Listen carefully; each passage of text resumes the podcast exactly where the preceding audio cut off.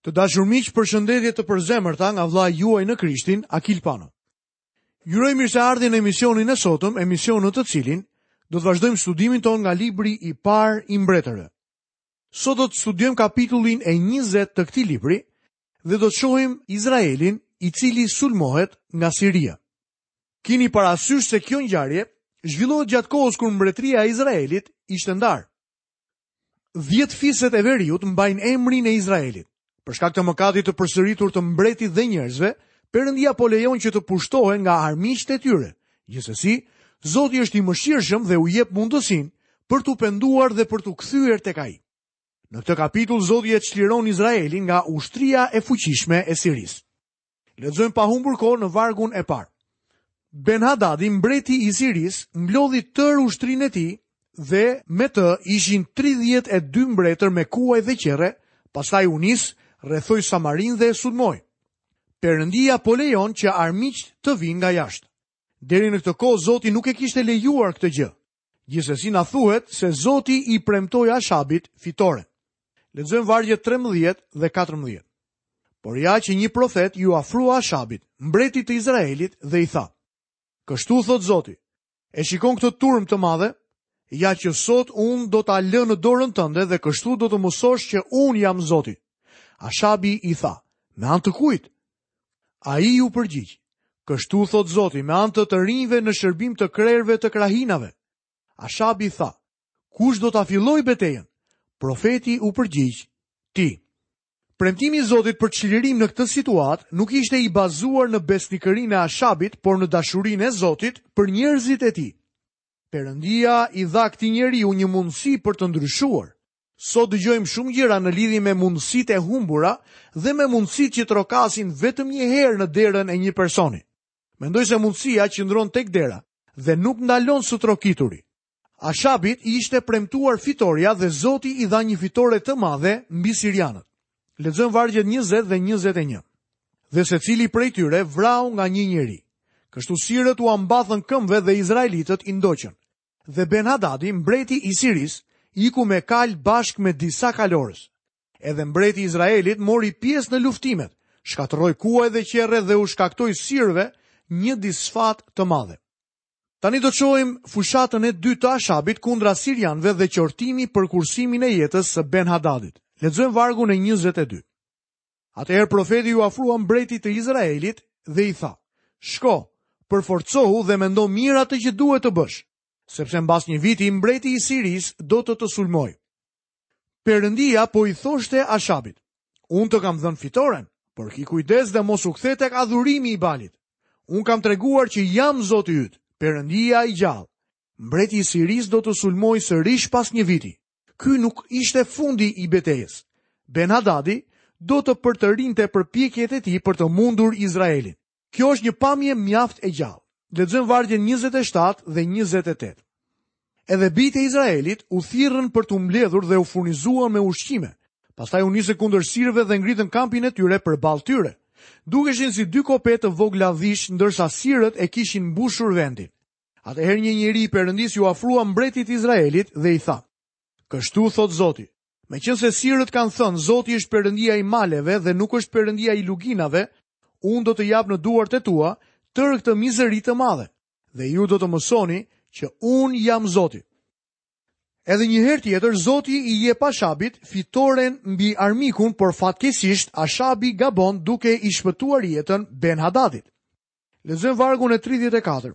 Atëherë Ben Hadadi i tha: Unë do të të kthej qytetet që ati im i hoqi atit tënd, dhe kështu ti do të vendosësh tregje në Damask, ashtu siç kishte bërë im atë në Samari. Ashabi i tha: Me këtë kusht do të të lë të ikësh. Kështu Ashabi lidhi një besëlidhje me të dhe e la të ikë. Ashabit i ishte thënë që ta eliminonte armikun, por ai nuk u bind. Miq me mëkatin nuk mund të ketë kompromis. Perëndia nuk e lejon kurrë këtë gjë dhe kjo ishte saktësisht ajo çfarë bëri Ashabi. Lexojmë vargun e 42. Pastaj profeti i tha mbretit: "Kështu thotë Zoti, meqenëse e le të të shpëtojë nga dora njeriun që kisha caktuar të shfarrosej, jeta jote ka për t'u paguar për të tijën dhe populli yt për popullin e tij." Si ka mundësi që sot gjyqtarët janë kaq të butë me kriminelët? Kjo ndodh sepse ata vetë kanë një kompleks faji. Ata vetë ndihen fajtorë dhe e dinë që janë mëkatarë. Është një lloj sikur ta drejtojnë gishtin nga vetja e tyre kur fajësojnë dikë tjetër. Një mëkatar e ka mjaft të vështirë të gjykojë një mëkatar tjetër. Ky ishte rasti i Ashabit. Kjo ishte arsyeja pse e kurseu jetën e Ben Hadadit. Këtu kemi përfunduar studimin e kapitullit të 20 Dhe tani së bashku fillojmë studimin në kapitullin e 21 në librin e parë të mbretërve. Kapitulli përpara nesh është një faqe e jetës së mbretit të lig dhe mbretëreshës së Izraelit, Ashabit dhe Jezebelës, të cilët zbuluan lakminë e tyre dhe karakterin e tyre të pamëshirë. Do të lexojmë në kapitullin e 21 të librit të parë të mbretërve nga vargu i parë. Mbas këtyre ngjarjeve ndodhi që Nabothi i Jezreelit kishte një vresht në Jezreel afër pallatit të Ashabit, mbretit të Samarisë. Para disa vitesh isha në Samari dhe më duhet të pohoj se ai ishte një nga vendet më të bukura të tokës së Palestinës. Ti madje edhe mund të qëndroje në kodrën e Samarisë, atje ku ishte pallati i Ashabit dhe Jezabelës, i ndërtuar nga Omri, dhe të shihje jugun e Jeruzalemit, luginën e Esdralonit, detin e Galilesë në veri, lumin Jordan në lindje dhe detin Mesdhe në perëndim. Nga të katër anët sheh një pamje të mrekullueshme. Nuk ka shumë vende të tilla sot. Nëse do të jetoja në atë vend, ai do të ishte vendi ku do të më pëlqente ta kisha shtëpinë. Lexojmë vargun e dytë dhe të tretë.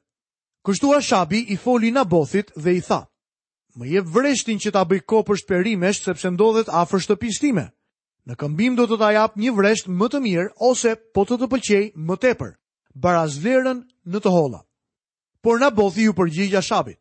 Të më ruajë Zoti, të të lë trashëgiminë e etërve të mi. Në atë zonë Nabothi kishte një vresht. Nuk e dimë se në cilën anë ndodhej vreshti. Na thuhet vetëm që ndodhej aty afër. Ndoshta, do të mendoni se Ashabi me gjithë atë pallat të bukur që kishte, do të ishte një njeri i kënaqur nga jeta. Por jo, ai donte edhe atë vresht. Nabothi nuk dëshironte ta shiste vreshtin për arsyen e thjeshtë se ai vresht ishte trashëgimia e tij. Ajo trashëgimi që u kishte dhënë Zoti paraardhësve të tij dhe ishte trashëguar nga ati deri tek biri. Por ja, na del një mbret që na e kërkonte atë vresht dhe haset me një njeri mjaft guximtar që e kthen mbretin mbrapsht. Lexojmë vargun e katërt. Prandaj Ashabi u kthye në shtëpi i trishtuar dhe i zemëruar për përgjigjen që Nabothi i Jezreelit i kishte dhënë. Nuk do të jap trashëgiminë e etërve të mi. Ra mbi shtratin e tij, ktheu kokën më një anë dhe nuk deshi të hante. Ashabi nuk donte të hiqte dorë nga mendimi i tij, kështu që kthehet në shtëpi me buzë të varura si një djalë i vogël. Ashabi ashtu i lig siç ishte, nuk donte të hante për shkak se nuk mund të kishte atë çfarë dëshironte. Ashabi nuk kishte asnjë ide se si mund ta merrte vreshtin e Nabothit, por Jezebeli po. Mund t'ju siguroj se ajo do të mundohet të gjejë diçka në mënyrë që burri i saj të marrë vreshtin. Lexojmë vargjet 5 deri 7. Atëherë Jezebeli, bashkëshortja e tij, iu afrua dhe i tha: "Pse e ke frymën kaq të trishtuar dhe nuk ha?" Ai iu përgjigj, sepse fola me Nabothin e Jezrelit dhe i thashë, më jep me para vreshtin tënd, ose po të të pëlqejë më shumë, do të jap një vresht tjetër si këmbim. Por ai m'u përgjigj, nuk do të të jap vreshtin tim. Atëherë gruaja e tij Jezabel i tha: A nuk je ti që mbretëron tani mbi Izrael? Çohu, ha dhe zemra jote do të gëzohet. Vreshtin e Nabothit në Jezreel do të ta jap unë. Jezebeli ishte mizore në mënyrën e saj. Ajo ishte një grua shumë dominante. Më duhet të pohoj se edhe unë vetë do të kisha frikë prej saj. Ajo ishte grua e ligë dhe do ta marrë atë vresht me çdo kusht. Jezebeli thuri një komplot të vogël dhe të bukur. Ajo e rregulloi që dy njerëz të poshtër të dilnin për të deponuar kundra Nabothit. Ata do të thoshin se ai kishte blasfemuar Perëndin dhe mbretin. Pastaj Nabothin do ta nxirrnin jashtë qytetin dhe do ta vrisin me gurë derisa të vdiste. A mund t'ju vijë në mend një gjë më e padrejtë se kjo? E po kjo ka ndodhur shumë herë në historinë e botës.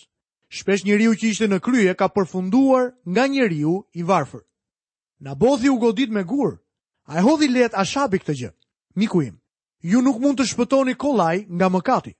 Nuk ka rëndësi se kush jeni, do të vijë dita kur do të jepni llogari. Edhe për Ashabin do të vinte dita kur duhet të jepte llogari. Lexojmë poshtë në vargun 15 dhe 16. Kur Jezebeli mësoi se Nabothi ishte vrarë me gurë dhe kishte vdekur, i tha Ashabit: "Çohu dhe shtjere në dorë vreshtin e Nabothit në Jezreel, që ai nuk pranoi të të japë me para, sepse Nabothi nuk jeton më, por ka vdekur." Me të dëgjuar Ashabi që Nabothi kishte vdekur, u ngrit dhe u nis për të shtënë në dorë vreshtin e Nabothit në Jezreel. Kështu Jezebeli shkoi tek burri i saj Ashabi duke i thënë: Nabothi vdiq, çohu dhe merre vreshtin. Duket sikur Ashabi shpëtoi nga ligësia e tij, apo jo? Jo, Perëndia kishte një njeri atje. Lavdi Perëndisë që gjithmonë do të ketë një njeri që do të shpallë fjalën e Zotit. Lexojmë poshtë nga vargjet 17 deri 19. Atëherë fjala e Zotit iu drejtua Elias, Tishbitit, me këto fjalë duke i thënë: Çohu dhe dil përpara Ashabit, mbretit të Izraelit që banon në Samari. Ja, ai është në vreshtin e Nabothit ku ka shkuar për ta shtënë në dorë. Do t'i flasësh kështu. Kështu thotë Zoti, në fillim vrave një njeri dhe pastaj i rrëmbeve pronën. Pastaj t'i thuash, kështu thotë Zoti, po në atë vend ku qentë kanë lëpirë gjakun e Nabothit, ata kanë për të lëpirë edhe gjakun tënd. Kini parasysh që Zoti tha, Mos u gënjeni, Perëndia nuk vihet dot në lojë sepse ç'të mbjellë njeriu, atë edhe do të korrë. Nëse do të mund të flisnim me njerëzit e së shkuarës, qofshin ata njerëzit e Perëndisë apo të djallit, do të na tregonin se ky është një ligj i pandryshueshëm. Ai nuk mund të ndryshohet. Ç'të mbjellë njeriu, atë edhe do të korrë. Jakobi zbuloi të vërtetën e këtij ligji. Faraoni i Egjiptit që vrau djemtë e vegjël hebrenj, mendoi se shpëtoi paq nga ky krim, por një ditë ai pa se i parëlinduri i tij vdiq. Davidi kreu një mëkat të tmerrshëm, por nuk shpëtoi dot nga pasojat e tij. Të njëjtën gjë që bëri, iu kthye mbrapsht atij. Sauli nga Tarsi ishte drejtues kur vranë me gurë Stefanin, por erdhi një ditë në Azinë e Vogël, në Antioki të Pisidisë, kur u qëllua me gurë për vdekje. Fakti është se ai vdiq dhe Zoti e ngriti prej së vdekurish. Këtu jepet gjykimi që u shpall mbi Ashabin dhe Jezebelin. Lexojmë më poshtë nga vargjet 21 dhe 22. Ja, unë do të sjell mbi ty fatkeqësinë, do t'i zhduk tërë pasardhësit e tu dhe do të shfarros nga shtëpia e Ashabit çdo mashkull, skllav apo i lirë në Izrael. Do ta bëj shtëpinë tënde si shtëpinë e Jeroboamit, birit të Nabatit, dhe si shtëpinë e Bashas, birit të Ahijahut, sepse ti ke nxitur zemërimin tim dhe e ke bërë Izraelin të mëkatojë. Perëndia i tha Ashabit, Unë do ta heq shtëpinë tënde. Linja jote nuk do të mbretërojë më. Perëndia nuk ka mbaruar. Lexojmë vargun e 23. Edhe për sa i përket Jezebelit, Zoti flet dhe thotë: "Qentë do ta hanë Jezebelin poshtë mureve të Izraelit." Të dyja këto gjykime ndodhën. Tani do fillojmë së bashku studimin e kapitullit të 22 për të parë Ashabin dhe profetin Mikaja. Në kapitullin e 22 do të shohim përmbushjen e gjykimit të Zotit kundër Ashabit. Ndërkohë që kemi qenë duke ndjekur karrierën e këtij mbreti të mbretërisë së veriut, poshtë në jug kishte ardhur në fron Jozafati. Ai është një mbret i mirë, por tani do të shohim se do të bëjë një aleancë me Ashabin. Lexojmë në vargun e parë dhe të dytë të kapitullit 22 të librit të parë të mbretërve. Kaluan tre vjet pa luftë midis Sirisë dhe Izraelit. Por në vitin e tretë, Jozafati, mbreti i Judës, zbriti të takohet me mbretin e Izraelit. Çfarë kishte ndodhur që e shtyu një mbret të mirë si Jozafati për të lidhur aleancë me një mbret të lig si Ashabi? Përse do të miqësojë ai me këtë armik të tij? Kjo ishte një aleancë e pazakontë, një konfederatë e panatyrshme. Dukej disi e çuditshme, por në këtë pikë, siç do ta zbulojmë edhe më vonë, Jeroami, biri i Jozafatit, ishte martuar me Atalian, vajzën e Ashabit dhe të Jezebelës. Ky ishte një rast kur djemtë e Zotit martoheshin me vajzat e njeriut. Ja ku një djalë me një trashëgimni të perëndishme martohet me një vajzë me një trashëgimni të keqe. Ndikimi i keq në këtë rast triumfon. Kur një besimtar martohet me një jobesimtar, duhet të jeni të sigurt se besimtari do të ketë gjithmonë telashe. Kur martoheni me një fëmijë të djallit, vjerri juaj do t'ju hapë shumë telashe. Lexojmë në vargjet 3 dhe 4. Mbreti i Izraelit u kishte thënë shërbëtorëve të tij: Ju nuk e dini që Ramothi i Galaadit është yni dhe ne po rrim të qetë pa e rimarrë nga duart e mbretit të Sirisë. Pastaj i tha Jozafatit, a nuk do të vije të luftoje me mua në Ramoth të Galaadit? Jozafati iu përgjigj mbretit të Izraelit me këto fjalë. Ki besim tek unë ashtu si tek vetja jote, te njerëzit e mi si te njerëzit e tu, mbi kuajt e mi, ashtu siç ke besim te kuajt e tu. Ramoth Galaadi ishte një nga qytetet kryesore të fisit të Gadit dhe që i ishte dhënë Sirisë. Gjëja më e mirë për t'u bërë ishte t'i lije gjërat ashtu siç ishin. Të paktën Jozafati duhet të kishte qëndruar jashtë kësaj çështje. Ai duhet të kishte ndjekur këshillën që ishte dhënë nga profeti i Zotit. Nuk ishte gjë e mirë që njeriu i Zotit dhe njeriu i djallit lidhën një aleancë së bashku. Gjithsesi, kjo nuk ishte lufta e Jozafatit. Galaadi nuk i përkiste atij, por Ashabit. Grindja ishte e Ashabit dhe jo e tij. Të dashur miq, këtu kemi mbërritur dhe në fundin e emisionit të sotëm. Ju kujtoj që vazhdimin e historisë së Ashabit dhe profetit Mikaja do ta ndjekim në emisionin e ardhshëm. Deri atëherë nga vëllai juaj në Krishtin Akil Pano, Perëndia i cili fal bujarisht të gjithë ata që vijnë tek ai me gjithë zemër, derdhtë bekimet e tij mbi ju dhe paqen e tij supernatyrore. Bashkë mirudëgjofshim.